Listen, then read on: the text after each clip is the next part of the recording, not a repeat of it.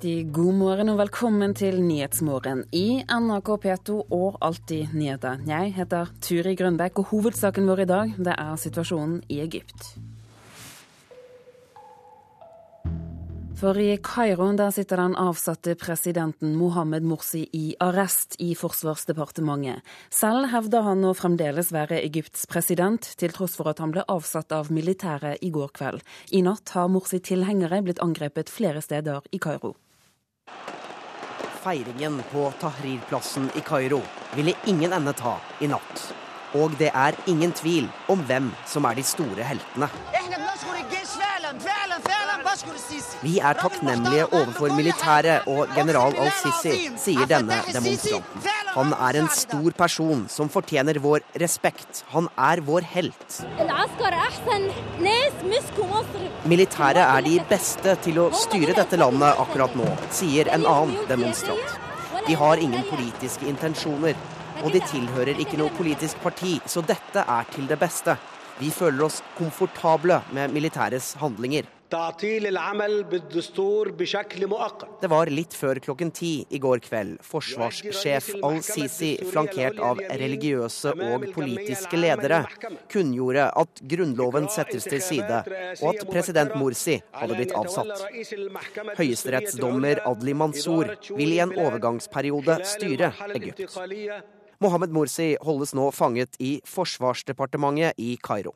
Men før han ble tatt dit, la han ut en videotale på internett. I talen insisterer Morsi på at han fremdeles er Egypts president, og sier at folket nå er påkrevd å forsvare hans legitimitet. Det muslimske brorskap hevder at deres tilhengere har blitt angrepet flere steder i Kairo i natt. Minst 14 mennesker skal være drept og over 300 såret i nattens uro.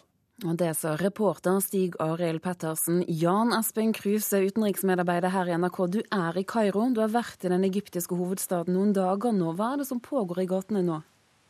Ja, Akkurat nå er det forholdsvis stille og rolig. Det var jo en gigantisk feiring da, langt langt inn i natta. Men det er nok de aller fleste har, har forlatt Tahrir-plassen nå, da. Hvordan reagerer Morsis tilhengere på det som har skjedd? De aller fleste synes at dette er en katastrofe. De kaller dette et militærkupp. De sier at valgseieren de fikk, den har blitt stjålet fra dem. De er veldig, veldig bitre på det som har skjedd. Og de sier at de ikke skal gripe til vold, i hvert fall ledelsen sier det. Men vi har jo sett i natt igjen har et titalls mennesker blitt drept i sammenstøt. Og det er vel stor fare for at sammenstøtene kan fortsette. Ja, hvor står det muslimske brorskapet nå?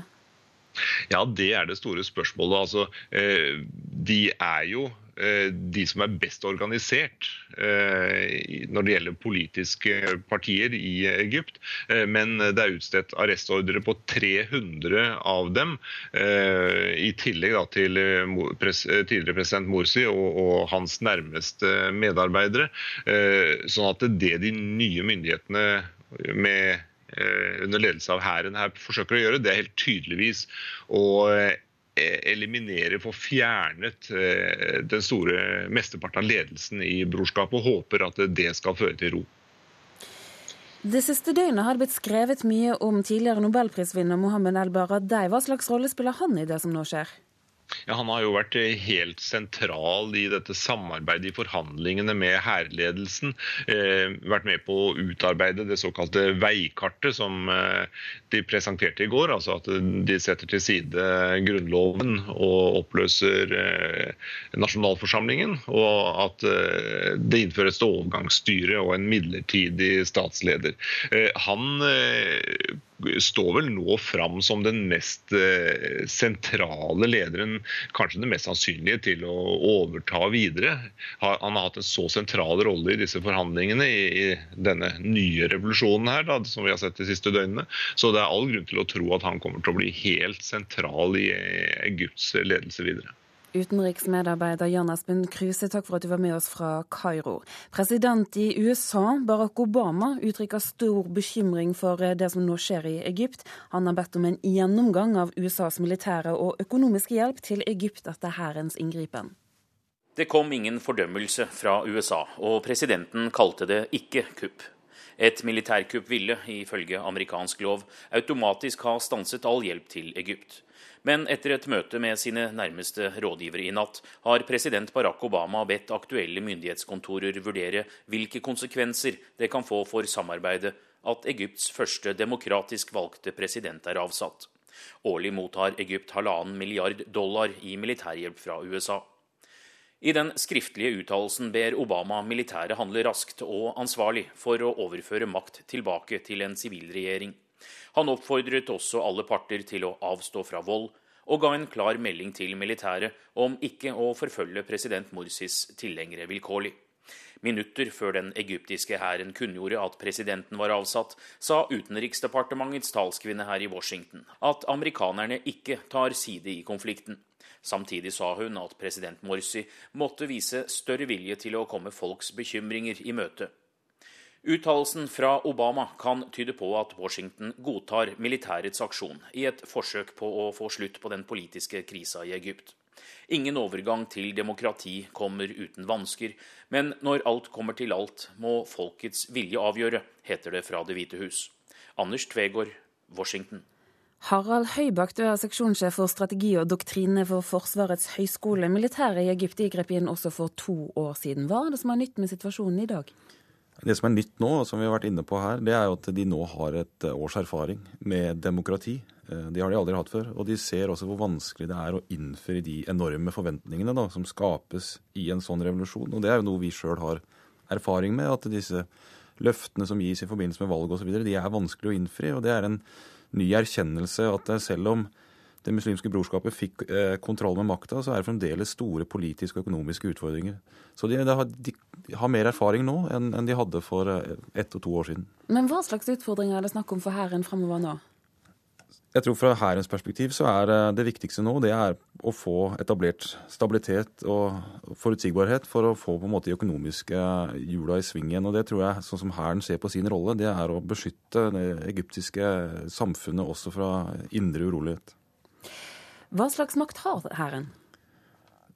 Makta hæren har, er av ulike typer. altså Den tradisjonelle basert på væpna makt, men de har også betydelige økonomiske interesser.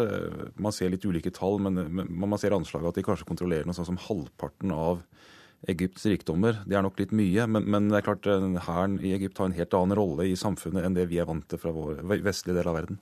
Men folket, altså hva slags maktapparat kan eh, det egyptiske folket forvente seg nå?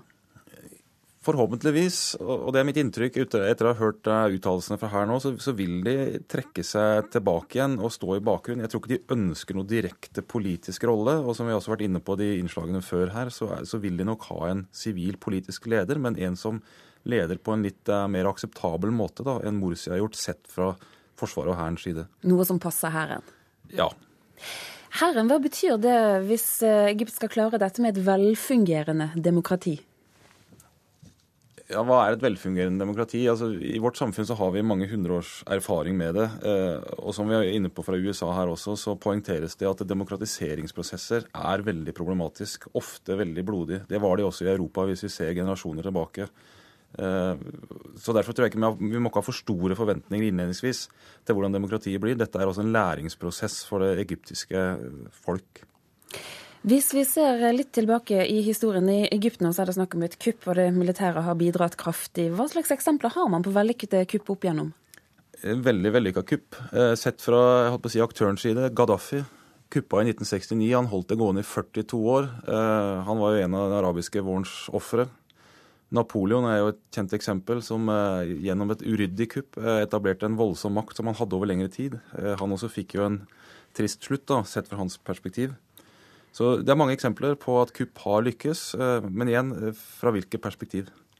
Harald Høibakk, seksjonssjef for strategi og doktrine ved Forsvarets høgskole, takk for at du var med oss her i Nyhetsmorgen. Klokken den nærmer seg 7.13, og dette er altså Nyhetsmorgen i NRK P2 og Alltid nyheter. Hovedsaker i nyhetene i dag det handler om situasjonen i Egypt. Der sitter den avsatte presidenten fanget i Forsvarsdepartementet. Tilhengere av Morsi er angrepet, 14 personer er drept i sammenstøt i natt, og hundretusener var ute på Tahrir-plassen i natt. Bli med oss videre i sendingen, for Miljøverndepartementet oppfordrer til å tenke klima. Men norske kommuner svarer at de rett og slett ikke har tid.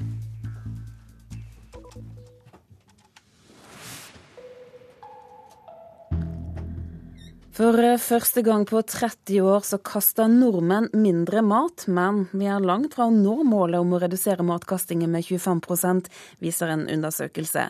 Rolf Johnsen er godt opp i 80-årene og tilhører den gruppen nordmenn som kaster minst mat. Her kan dere se Her er gammelost, og her er da ekte getost. Og se på den. Den har jeg altså såkalt tatt ut luften på, så den holder. Osten er vakuumpakka. Lite luft forhindrer at det spirer og gror av mugg på favorittpåleggene. Så fikk jeg beskjed av min datter at jeg måtte spise opp den der i løpet av en dag eller to, for ellers vil den bli gammel. Så jeg må nok spise den til middag i dag og kanskje i morgen. Vi har blitt flinkere til å la være å kaste mat. En av tre nordmenn kaster mindre mat nå enn for fire år siden. Og det er første gang på 30 år at man merker en nedgang i matkasting, sier Anne Marie Schrøder i Format-prosjektet. De har spurt nordmenn om sine kastevaner, men ikke alle er like flinke, forteller prosjektleder Ole Jørgen Hansen. Folk i aldersgruppa 60 år og over er ganske flinke til å være kastemat, mens aldersgruppa 25 til 40 år, som kanskje er i en annen livssituasjon, ikke har med seg den samme ballasten og kunnskapen inn i planlegging og innkjøp og matrutiner, kaster nok eh, mye mer og oftere mat enn det som de andre gruppene gjør. I tillegg er det én gruppe til som skiller seg ut i undersøkelsen. Så Hvis man er i en småbarnssituasjon med mange i familien, hvor det kanskje er vanskelig å planlegge akkurat hvor mange som skal spise middag i morgen og det over i morgen og gjøre innkjøp i forhold til det, da ender det veldig fort med at småbarnsfamilier kaster mer mat. Jeg spiser ikke opp det. Det blir gammelt fort. Og ja, man kjøper for mye mat. Varierende matlyst da, på noen. Altså, har jo alltid lage mat. Jeg har nok, liksom. Da blir det alltid igjen litt. Det er ikke bare lett å kaste mindre mat. I gjennomsnitt havner 51 kilo kornvarer, melkeprodukt, kjøtt, grønt og fisk i søpla til hver og en av oss i løpet av et år. Men det kan ikke fortsette, sier Anne Marie Schrøder. For det første så, så handler dette jo om Eh, et moralsk perspektiv. Altså Mange i verden sulter, enda vi har jo mer enn nok mat egentlig, hvis vi ikke kaster eh, maten. Det er jo ganske mye klimagassutslipp forbundet med å produsere mat. Faktisk et av de største problemene. Jeg syns det er veldig dårlig at man kaster mat. Så må vi planlegge først at, uh, hva vi har det og hvordan vi skal lage. Reporteren det var Marit Gjelland. Line Henriette Hjemdal, du er stortingsrepresentant fra Kristelig Folkeparti. og I fjor så gikk du i bresjen for en nasjonal dugnad for å redusere matkastingen. og Nå går det altså litt ned. Fremdeles kaster vi mye. Hva må jobbes med for å få denne matkastingen ned? Nei, Jeg tror vi nå må bruke denne positive trenden som vi nå ser. At vi ja, i dag da kaster altså mindre mat enn vi gjorde for fire år siden, og at vi er mer bevisste i år enn vi var i fjor. Jeg tror dette henger sammen med kunnskap.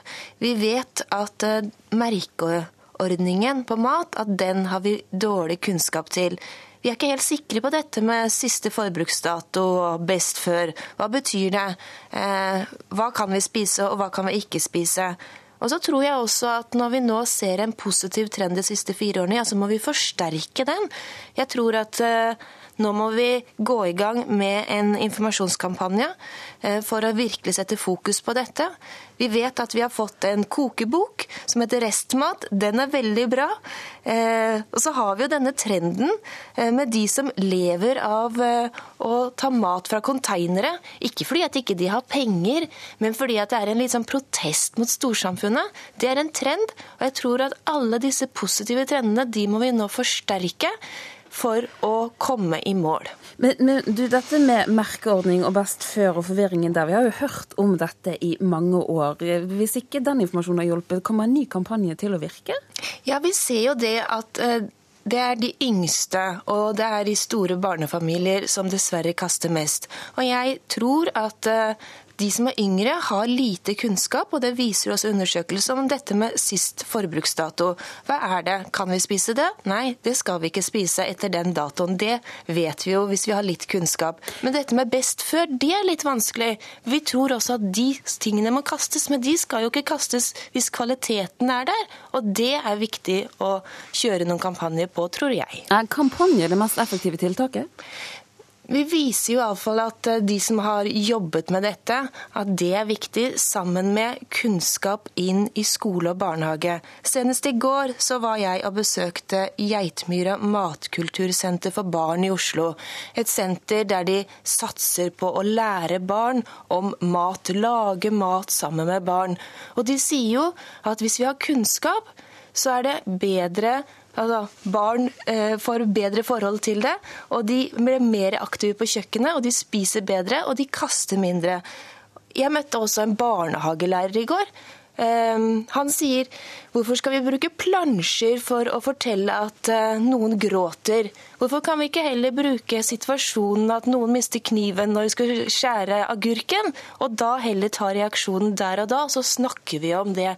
Jeg tror at også det å lære gjennom matlaging, det er viktig når vi nå ser hvilken trend og hvilke eh, grupper vi har størst utfordring overfor. Stortingsrepresentant fra Kristelig Folkeparti, Line Henriette Hjemdal, takk skal du ha.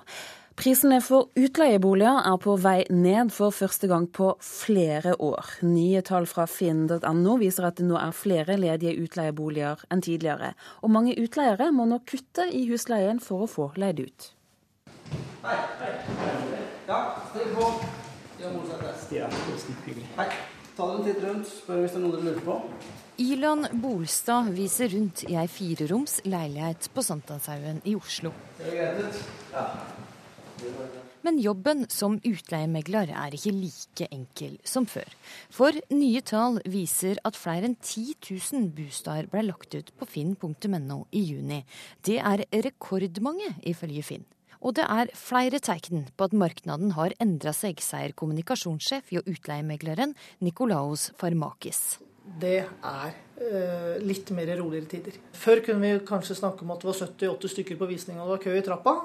Sånn er det ikke lenger. Ei forklaring på de mange utleiebostadene er at folk venter med å selge, siden boligmarkedet er rolig og heller vel å leie ut. Men boligeierne kan ikke vente seg like høy husleie som tidligere. På kort sikt så har vi sett at leieprisen faktisk er på vei ned. Eh, litt sånn langsiktig over mange mange år så tror vi leieprisen skal stige. Men det kommer ikke til å bli noen rekorder denne sommeren. Mange som leier ut, må nå sette ned prisen. Det har også jeg måttet oppleve, at man må justere ned forventningen. Kanskje skru ned 500 kroner, skru ned en tusenlapp, for at du skal unngå at boligen blir stående tom. Eh, leiligheten her leies ut sånn som den står nå. Leiligheta på Sankthanshaugen hadde flere interessenter. De møblene og det, de hvitevarene som er her. En mindre pressa utleiemarked er godt nytt for Andreas Kristiansen og Simeon David Strøm, som håper de 99 kvadratmeterne kan bli deres nye studentkollektiv. Jeg syns den var veldig fin. Virka veldig åpen. Så det kommer ikke til å tråkke på hverandre eller gå deg av hverandre, tror jeg. I hvert fall med det første. Reportere her var Johan B. Settem og Astrid Randen. Politiet etterforsker nå en mulig voldtekt på HV-festivalen i Arendal i Aust-Agder. Innsatsleder på HV-området, Kurt Ulven, sier til Fedrelandsvennen at ingen er pågrepet, men fornærmede har fortalt at det dreier seg om flere menn. Kvinnen i begynnelsen av 20-årene er kjørt til sykehus og tatt hånd om av voldtektsmottaket. USA og EU er enige om å danne en arbeidsgruppe som skal se på anklagene om overvåkning. Også forhandlingene om en handelsavtale skal gå som planlagt. Avsløringene om at USA spionerer på EU har skapt et dårlig klima, og Frankrike har truet med å utsette handelssamtalene i to uker. Men EU-kommisjonen har kommet fram til at en handelsavtale med USA er såpass viktig for begge økonomier, og forhandlerne flyr over hit i helga som planlagt. USAs justisminister har sendt et brev til sin EU-kollega, der han foreslår et transatlantisk utvalg som kan diskutere hvordan overvåkingen skjer. Hensikten er å gi EU-kommisjonen større innblikk i programmet og i hvilken grad EU-borgerne beskyttes. Utvalget skal ha sitt første møte senere denne måneden. Et nytt møte i Washington i september og en konklusjon i oktober. Det ses på som et kompromiss, og de to prosessene kommer til å gå parallelt. En handelsavtale mellom USA og EU har en antatt verdi på mer enn 600 milliarder kroner i året. I dag er det USAs nasjonaldag, og offentlige kontorer holder stengt. Men USAs justisminister Eric Holder arbeider fortsatt med å møte en tidsfrist presidenten har satt til neste uke. Obama vil ha en rapport om de angivelige avlyttingene av journalister. I forsøket på å finne ut hvem som lekker hemmeligstemplede opplysninger til pressen, har Justisdepartementet avlyttet og hentet telefonutskrifter av innkommende og utgående samtaler til flere journalister. Presidenten har bedt om en gjennomgang av rutinene og en rapport neste uke. Anders Tvegård, Washington. Det skal handle om Tour de France nå, for i går ble Edvald Boasson Hagen nummer to i den femte etappen, bare slått av Mark Cavendish. Under dagens etappe tror de norske syklistene på seier. Jeg tror det er, eh, det er mulig å gjøre det bra, men jeg må være heldig. Så hvis jeg har litt stangen, så kan det gå. Sier Alexander Kristoff. Sjette etappe av Toren er en flat etappe som går over 176,5 km. Med start i E-en-Provence er det stor sjanse for en samlet spurt med målgang i Montpellier. Etter Edvald Boasson Hagens andreplass i går tror Kristoff det er gode muligheter for en norsk etappeseier. Edvald gjorde bra spurt, og han viser han begynner å komme i form, han òg. Så, så, det er morsomt. Det er flere, flere nordmenn som gjør det bra, så da venter vi bare på en etappeseier kjenner at jeg har kjørt noe, begynt å kjøre noen løp nå, eller dager. Men, eh, men han blir bedre og bedre for hver dag, tror jeg. Så da ser vi framover til neste to ukene. Sier gårsdagens andremann Edvald Boasson Hagen. Og når formen bare blir bedre, hadde den norske Team Sky-rytteren kun én ting å si om dagens etappe. Ja, da blir det en ny spurt, da. Reporter her var Emilie Hald Torp. Tiden er inne for å se på hva avisene har på sine forsider. Norge har en mye lavere andel økologisk dyrket jord enn andre europeiske land. Det viser tall fra EU. Det står på forsiden av Nasjonen. Vårt Land skriver at det er en høyrekrangel om Downs-aborter. I går var høyrepolitiker og blogger Heidi Nordby Lunde i Dagsnytt 18 og debatterte aborttall og Downs syndrom. I dag kaster partiets helsepolitiske talsmann Bent Høie seg inn i debatten. Det skriver Vårt Land. Forsiden av Dagens Næringsliv er prydet av det avisen kaller en nesegründer. Det er snakk om en norsk lege som har funnet opp en nesepumpe for sprøyting av medikamenter inni nesen, og et amerikansk selskap kjøper nå lisensen så er det flere av avisene som har situasjonen i Egypt på forsidene sine, bl.a. Dagsavisen, som skriver at det er både glede og frykt i Egypt nå, viser bl.a. et bilde av folk som klemmer i begeistring. På forsiden av Aftenposten er det et stort bilde fra demonstrasjonene i natt og folk som vaier med det egyptiske flagget. Egypt er også en av førstesidesakene til Dagbladet. Dessuten skriver avisen at det nå kan se ut som om sommeren er på vei mot Sør- og Østlandet. VG slår opp en historie om en fem år gammel jente som var kreftsyk. Norske leger overså sulten. Jenten ble reddet i Kina, det skriver VG. En av sakene i Nordlys handler om en forsvinningssak. Det er nå over halvannet år siden Per Vålsnes forsvant. Nå håper søsteren hans at nye vitner melder seg med opplysninger, skriver Nordlys så er det få båteiere som har røykvarsler om bord i båten sin. Bergensavisen har vært ute og sjekket i Bergen. Ingen av dem avisen snakket med, hadde varsling for brann om bord i sin båt.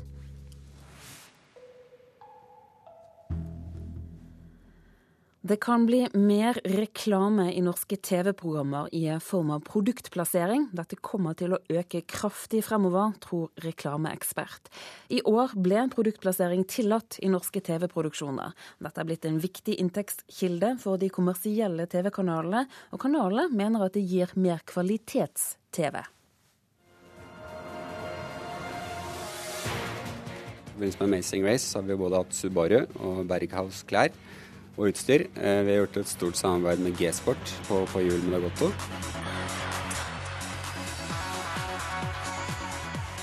Og vi hadde et Coca-Cola-stunt i Idol, bl.a. Det er vel de mest synlige plasseringene vi har hatt. Så langt år. Espen Barås By, konsept- og sponsorsjef i TV 2, lister opp noen av produktsamarbeidene de har gjort etter at det 1.1 i år ble tillatt for TV-produksjoner og serier å ta betalt for å plassere bestemte produkter inn i sine produksjoner. Etter et halvt år er både TV 2 og TV Norge godt i gang med å inngå samarbeider som kan skape klingende mynt i kassen. Bare ved at dommerne i Idol tar seg en slurk cola i beste sendetid. Nye finansieringsmuligheter gir mer kvalitets-TV, mener Barås by. Det forringer i hvert fall ikke kvaliteten, og det vil også føre til høyere inntekter på kommersiell TV hos TV 2, og som igjen fører til at vi kan lage bedre TV og kjøpe bedre TV. Da direktivet trådte i kraft for et halvt år siden, uttalte kulturminister Hadia Tajik at det skulle styrke norske kringkastere og TV-produsenters vilkår. Forskjellen blir at produsenter og kringkastere nå kan ta betalt for å benytte seg av bestemte produkter i sine produksjoner. Førsteamanuensis ved Markedshøgskolen Lars Erling Olsen tror produktplassering er noe det vil bli mer og mer av. Tendensen er nok at vi kommer til å ha en ganske eksplosiv vekst i prosent, men det er jo prosent av små tall, slik at eh, de reelle summene de kommer nok til å gå ganske gradvis oppover. Men eh, at det kommer til å vokse nærmeste årene, det er stor tro på.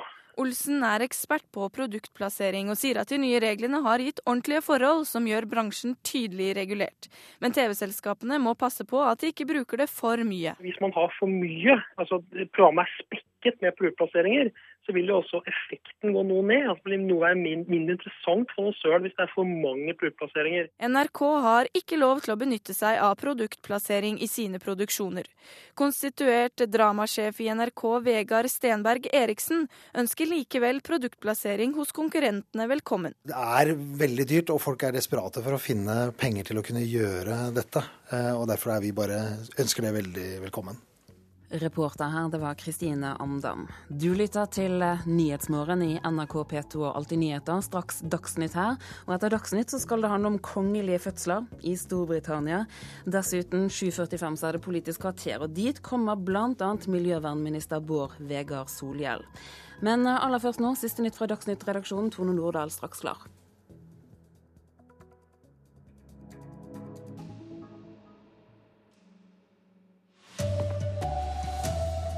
Minst 14 mennesker er drept i uroen i Egypt i natt. Den avsatte presidenten holdes i arrest.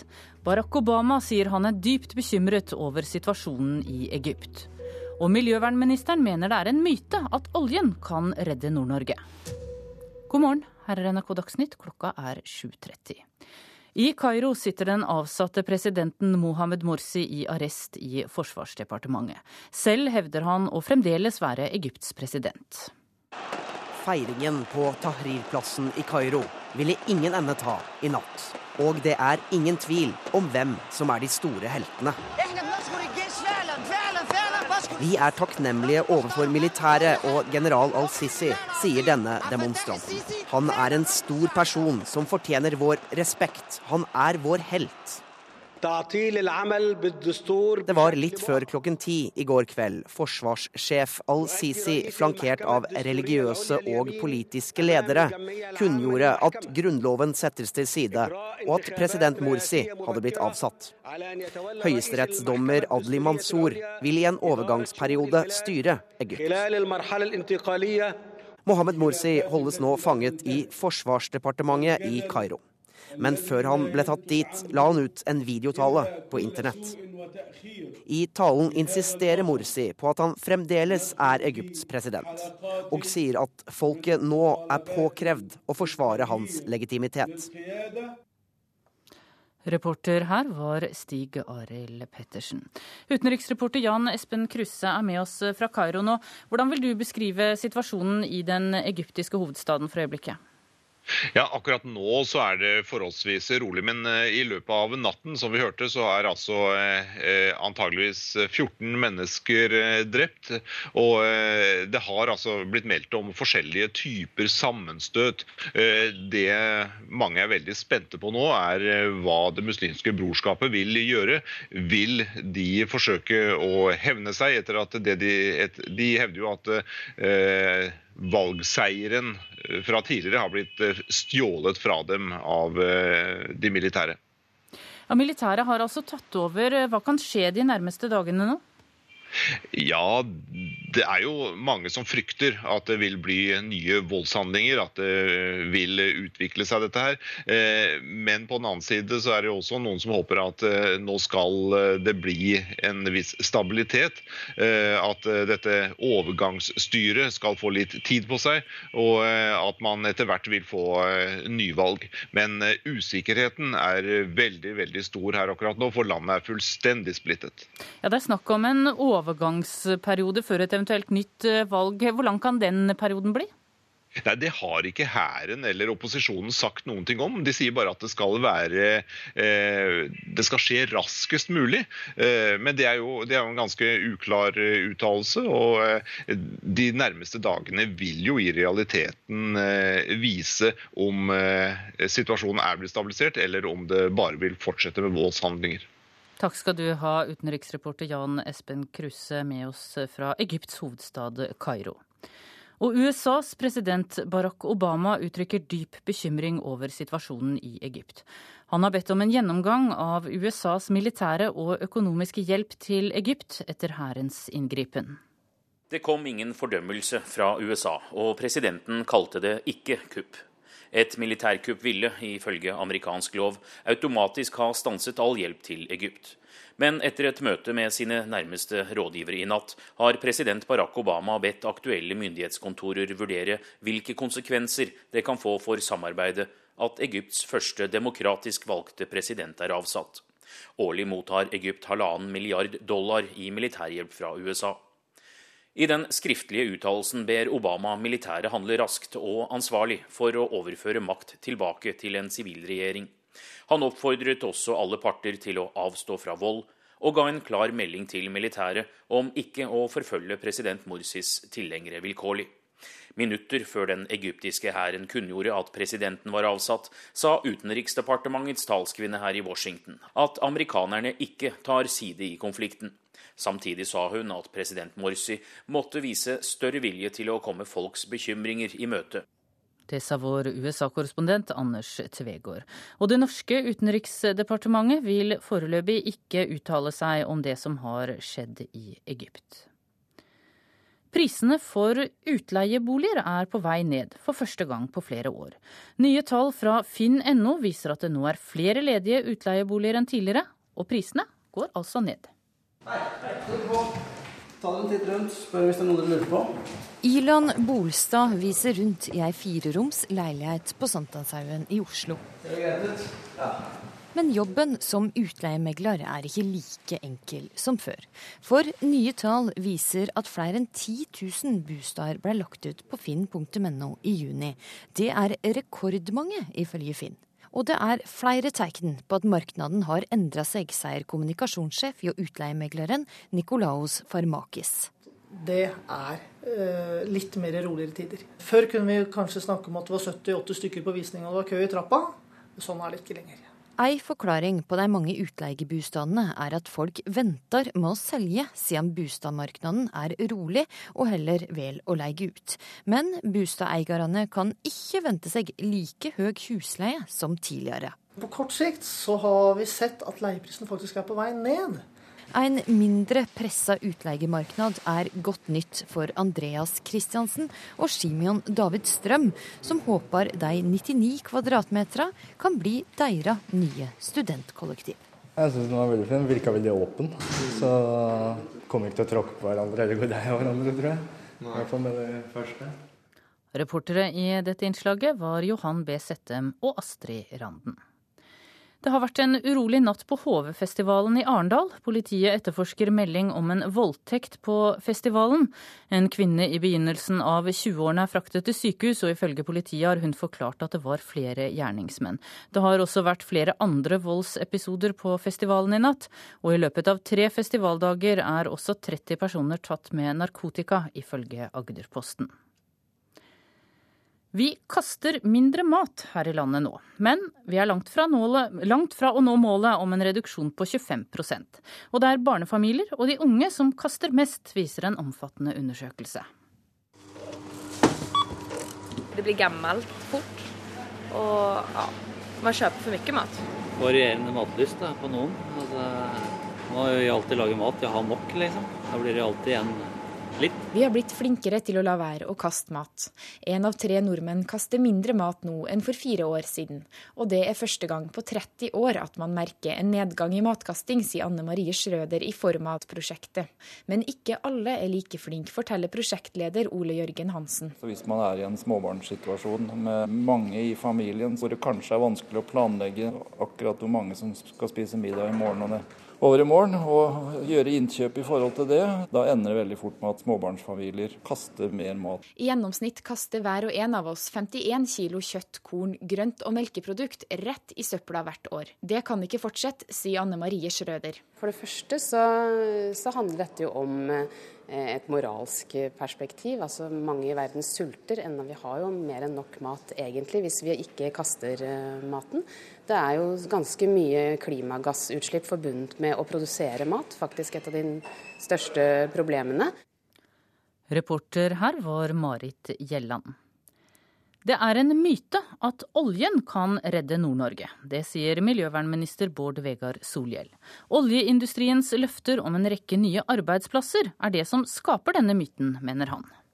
Oljeindustrien sjøl bidrar til en myte om at oljeboring utenfor Lofoten og Vesterålen og Senja kan redde Nord-Norge. For det er ikke oljen som skaper framtidas arbeidsplasser i Nord-Norge, mener miljøvernminister Bård Vegar Solhjell. Nå har jo regjeringa hatt en omfattende kunnskapsinnhenting den viser at det er ganske få arbeidsplasser, altså 400 til 1100, oljevirksomhet utenfor Lofoten og Vesterålen og Senja kan gi. Mens den viser at potensialet innenfor fiskeri, havbruk, reiseliv og andre næringer er på titusener av arbeidsplasser. Statoil ønsker ikke å kommentere utspillet om at oljeindustrien skaper myter. Men informasjonssjef i Statoil Ole Anders Skauby sier det er liten tvil om at oljen skaper arbeidsplasser. All erfaring fra de stedene vi er etablert i dag, tilsier at olje- og gassvirksomheten fører med seg en eh, betydelig økning ring, altså av ringvirkninger gjennom arbeidsplasser og økt inntekter til de lokale kommunene.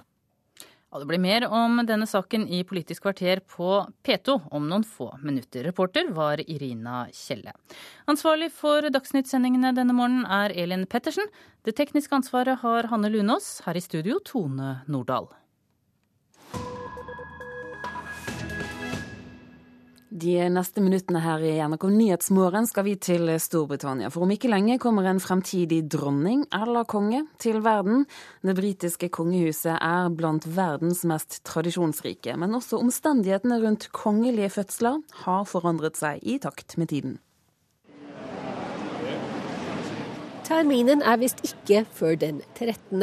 Men fotografene har for lengst tatt oppstilling utenfor St. Mary's Hospital i London for å forevige øyeblikket når prins William og hans kone Kate ankommer sykehuset for å føde sitt første barn.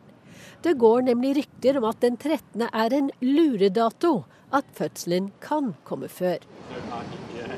Også de som har ansvaret for sikkerheten har gjort sine forberedelser. Parkering i nærheten av sykehusets private fløy er forbudt. En politimann kontrollerer hvem som går inn. For 31 år siden kom prins Williams foreldre Charles og Diana ut fra det samme sykehuset med sin førstefødte, og brøt en kongelig tradisjon. Diana was the first royal lady um, as close to the throne to have a child in a public hospital. Prinsesse Diana var den første kongelige så nær tronen som fødte på et offentlig sykehus, forteller Ingrid Seward, som er redaktør i magasinet Majesty. Dronning Elisabeth fikk sine barn på Buckingham Palace, så offentligheten fikk aldri sett noe annet enn helsepersonell som ble kjørt inn og ut, sier hun til Associated Press. Det er faktisk en god stund siden en daværende eller fremtidig britisk dronning måtte finne seg i å føde i hoffets nærvær. Da kunne det gå hardt for seg, mektige aristokrater sloss om å være den som skulle bekrefte at barnet som kom ut var en gutt og en ekte tronarving. Og så er det den notoriske sengevarmer-episoden fra 1688. Protestantene frydet seg over at kongen, katolikken James 2., var barnløs.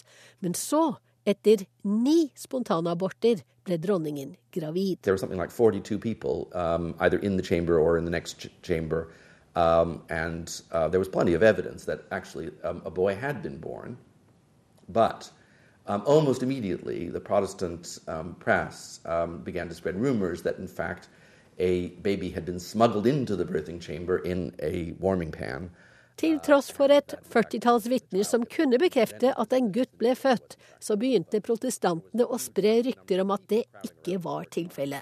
At gutten som ble framstilt som arvingen, var blitt smuglet inn i en sengevarmer, forteller historieprofessor og formann i Royal Historical Society, Peter Mandler.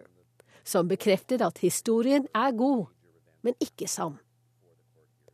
Siden viktoriatiden har kongelige kvinner i Storbritannia hatt det som kvinner flest, og fått lov til å føde uten publikum til stede. Og når babyen til William og Kate fødes om noen dager, vil britene få greie på det på den tradisjonelle måten, med en skriftlig kunngjøring festet på porten til Buckingham Palace. Så kommer det til å ta helt av, mener kongeekspert Ingrid Seward. I think this birth will be very public, not because William and Kate want it to be, but by very dint of who they are and what's happening. It's going to be completely global, and this could be the technology birth. So it'll be on Twitter, it'll be on everything. Reporter her, det var eh, Wenche Eriksen. Du lytter til Nyhetsmorgen i NRK P2 og Alltid nyheter. Hovedsaken i dag det handler om situasjonen i Egypt. Den avsatte presidenten sitter fanget i Forsvarsdepartementet. Tilhengere av Morsi har angrepet og minst 14 personer er drept i sammenstøt i natt. Og den amerikanske presidenten sier at han nå er dypt bekymret over situasjonen i Egypt. Og nå er det tid for Politisk kvarter, og å bore eller ikke bore, det er spørsmålet, Sigrid Sollund. Men det er en myte at oljeboring skal redde Nord-Norge, mener miljøvernministeren.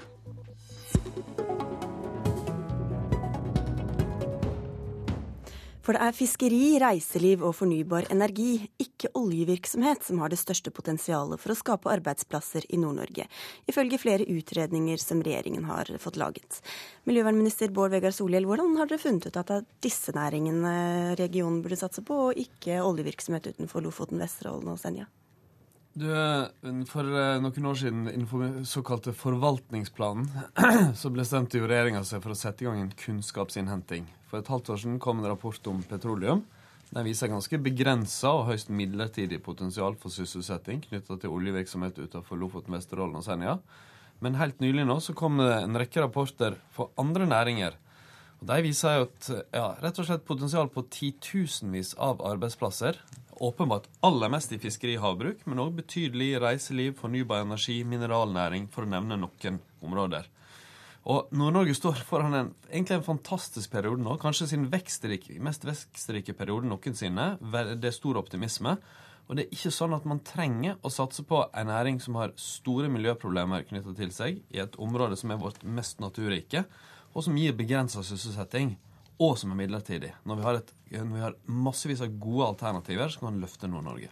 Men du beskylder også oljebransjen for å bygge opp under en myte, som du sier, om at oljeboring gir mange lokale arbeidsplasser. Hvordan gjør den det, mener du? Ja, jeg mener oljenæringa bidrar til det, fordi de bruker store ressurser og drar rundt på å selge et budskap om hvordan de skal bidra til vekst i Nord-Norge, skape arbeidsplasser, og få produsert rapporter osv. om det. Mens når vi får den kunnskapen på bordet som vi, vi var enige med å få, så viser det at det er svært begrensa kunnskap. Det er klart Hvis målet er å pumpe opp oljefondet mest mulig og gi penger til statskassa, da er petroleumsaktivitet et godt svar. Men hvis det er å ta vare på miljøet og å skape mange varige arbeidsplasser i nord, da er det et ganske dårlig svar. Bengt Eidem, du er fagsjef for samfunnskontakt i bransjeorganisasjonen Norsk olje og gass. Hva svarer du miljøvernministeren? Nei, jeg synes det det lukter jo klart at det lukter jo valgkamp eh, lang vei av eh, det utspillet fra SV og Bård Vegar Solhjell. Det her har pågått siden SV sitt landsmøte, der at SV har da tydeligvis identifisert oljenæringa som en motstander, og ikke da bare oljenæringa, men også da den næringsveien i landsdelen Nord-Norge. Og jeg tror det er en dårlig strategi av SV å si til Nord-Norge at eh, de må velge bort oljenæringa. Eh, og Bård Vegar Solhjell viser til at vi reiser rundt med rapporter som viser at det kan at oljenæringa er viktig for Nord-Norge.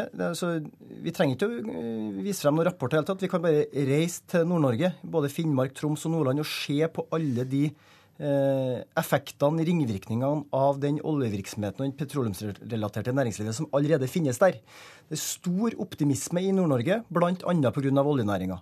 Hvor mange arbeidsplasser mener du oljevirksomhet i dette området vil skape? Altså, I eh, regjeringa sin egen kunnskapsinnhenting for eh, Lofoten og Vesterålen viser jo at det er da et, eh, et, eh, et, grunnlag for mellom 400 og 1100 arbeidsplasser eh, som, da, som, er anslått i ulike scenario. Det er klart at det er jo kjempemye. Hvis du i tillegg også da tenker på varekjøp i regionen for kanskje 1 milliard, i tillegg tenker på hvis du skal ha et landanlegg, at du får eiendomsskatteeffekter til berørte kommuner på 100-200 millioner kroner. Det klart at dette her, det gir enorme effekter. Det bidrar til utvikling av hele regionen, og ikke minst, det bidrar også til utvikling av andre næringer. Se f.eks. da i Hammerfest eller andre områder der at oljenæringa har vokst frem, hvor bra det også er for reiseliv og hotell og bidrar til helårseffekter osv. Hvordan vet du at det er et enten-eller her, Solhjell? La meg først si det mulig det, det, lukter av det jeg sier, men i så fall lukter det kunnskap. For det jeg gjør, det er å forholde meg til den kanskje største kunnskapsinnhentinga om Nord-Norge på næringssida som er gjort.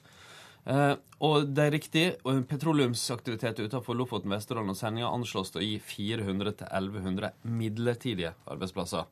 Mens bare fiskeri og havbruk anslås til å kunne gi flere titusentalls arbeidsplasser. Hvorfor kan man ikke få begge deler? Jo, eh, Ofte kan man det. Og la oss si i deler av Nord-Norge så er det jo nå kommet betydelig petroleumsaktivitet som gir arbeidsplasser. Men i det området her så har vi en svært smal kontinentalsokkel. Det vil si, det er et veldig smalt område, ei stripe utafor land, er, der det vil være konflikt mellom eventuell oljeaktivitet rett utenfor land med reiseliv, som jo er et naturbasert reiseliv. Som det er nettopp den vakre naturen og opplevelser eh, som man tjener på.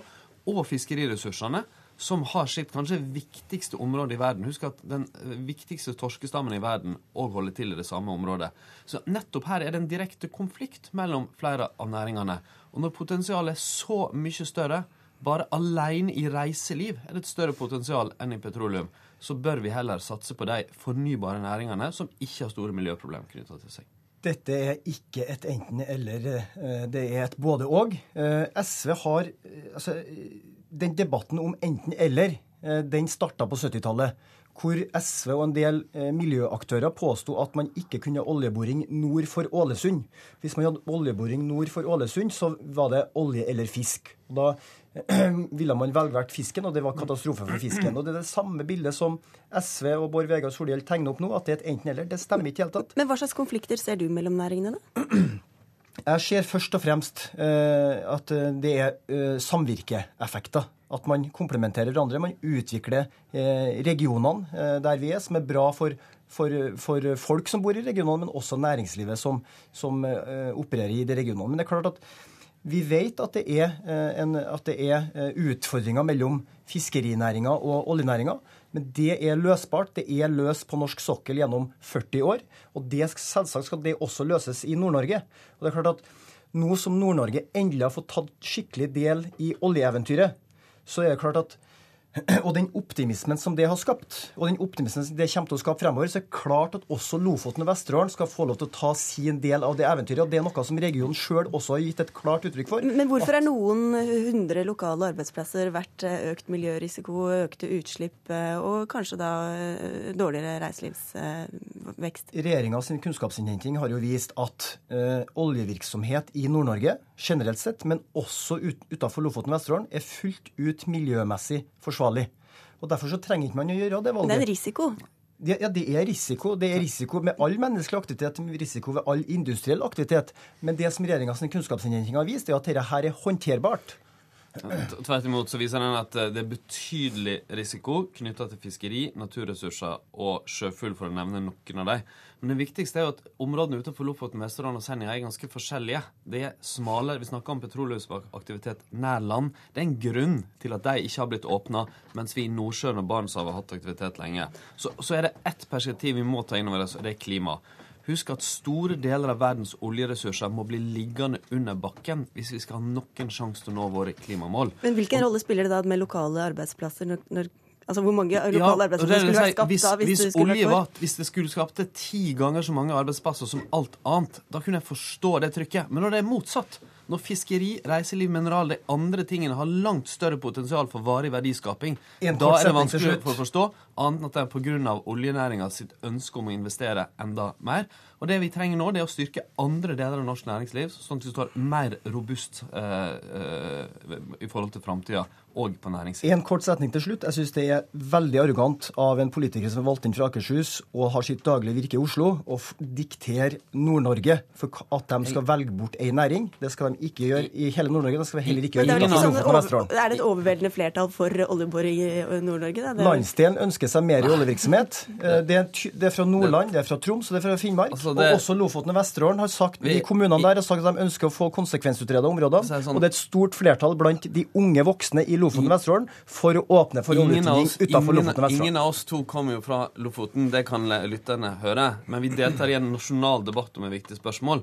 Men hvis vi skal se på hva folk mener, så er det et klart flertall i Nordland og i Lofoten og Vesterålen mot oljeboring på de siste meningsmålingene. Det er ikke riktig. Eh, så folk gir uttrykk for at de er skeptiske til det. Og jeg tror en viktig grunn til at de har snudd litt, er at det er mange som ser at alternativene For det første er det mye større, det er viktige næringer i dag, og potensialet er sterkere òg for de som bor der. SV har dessverre vært den største bremsen for oss å utvikle fornybar, eh, og også sjømatnæringa. Så det, jeg tror ikke det skal lytte så mye eh, til SV i næringspolitikken. Det var høyrepolitikken som kom fram her, var det ikke det, Bengt Eide? det kan høres sånn ut. Takk skal dere ha for at dere kom til Politisk kvarter, i hvert fall Bård Vegar Solhjell og Bengt Eidem.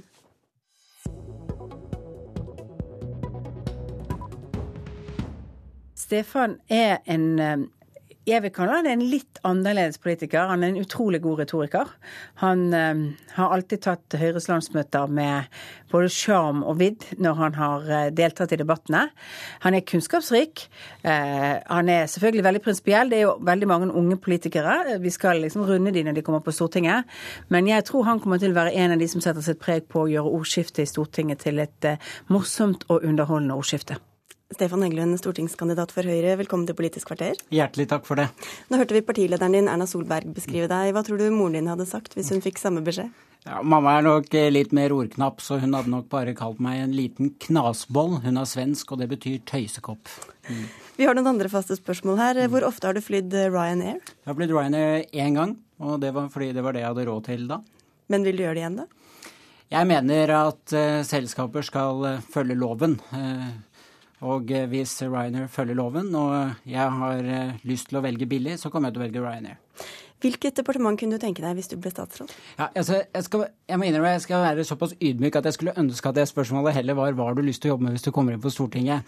Og da er det to ting jeg har lyst til å trekke frem av mange, da. Eh, det var ikke det som var spørsmålet, da. Nei, nei, men, nei.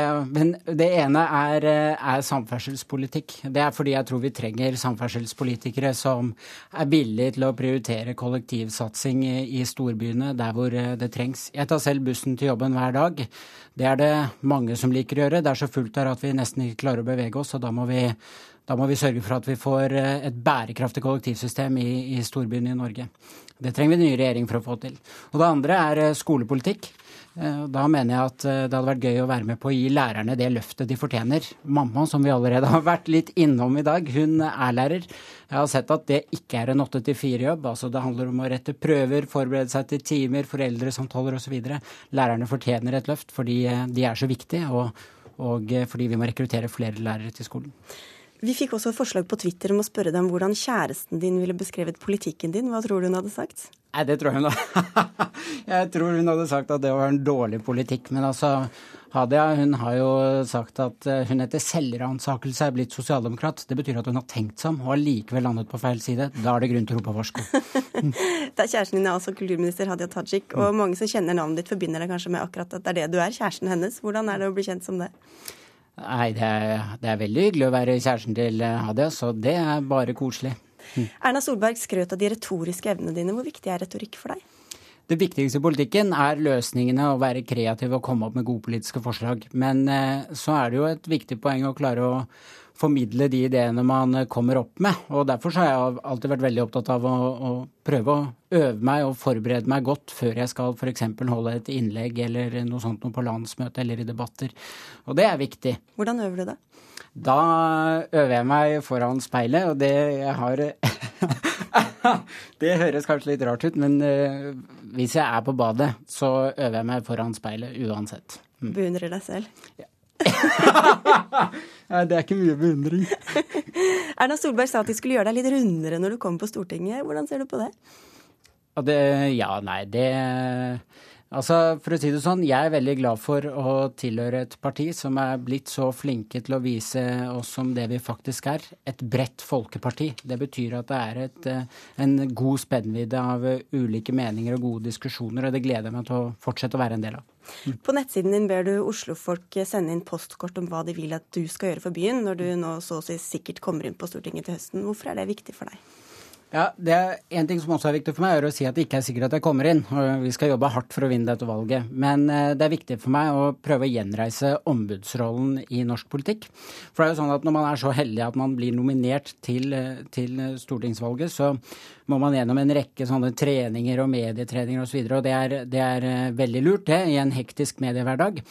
Men når politikken blir så profesjonell, så tenker jeg at uh, det kan være lett å glemme den, uh, en av de viktigste tingene man må huske på som politiker. Og det er at man skal være et ombud for de som Ikke bare de som har valgt deg inn, men alle i den kretsen du kommer fra. Og Derfor så ønsker jeg å få innspill på denne postkort fra oslo.gmail.com, og håper jeg får mange. Og du har eh, vært engasjert i politikk veldig lenge, som du har fortalt meg? Ja, jeg har jo egentlig det. Det begynte jo med en avstandsforelskelse til Kristin Halvorsen da jeg var 13. Den uh, har jeg fremdeles, men jeg byttet jo parti da jeg var 15, som alle sosialister burde gjøre. Uh, og uh, alltid vært engasjert i politikk. Og håper jeg får lov til å jobbe med det på heltid også. Men Du må fortelle hva du gjorde da du gikk på skolen. Ja, det var det, ja. Eh, det kan jeg Da jeg fant ut at spørretimen eh, var eh, på TV, så eh, hentet jeg skulket ungdomsskolen for å gå hjem og se på det. Mm. og at du er en fullblodspolitiker, har vi jo fått høre her, ettersom du bare velger bort halvparten av spørsmålene mine til, til hva du selv vil svare med. Dette var jo debuten din i Politisk kvarter. Hva håpet du at du ikke skulle bli spurt om? Oi, det var et godt spørsmål. Nei, jeg hadde egentlig Jeg har jo vært litt spent på å være her, så jeg hadde forberedt meg godt. Eh, jeg har vært ganske nervøs, jeg har nesten ikke sovet i natt, så jeg har brukt hele natten til å forberede meg, og håper at eh, det var vellykket. Jeg tror det var det, altså. Ja, det Takk skal du ha for at du kom til Politisk kvarter, Stefan Heggelund. Sendingen er over. Vi er tilbake i morgen eh, kvart på åtte. Mitt navn er Sigrid Solund. Hør flere podkaster på nrk.no podkast.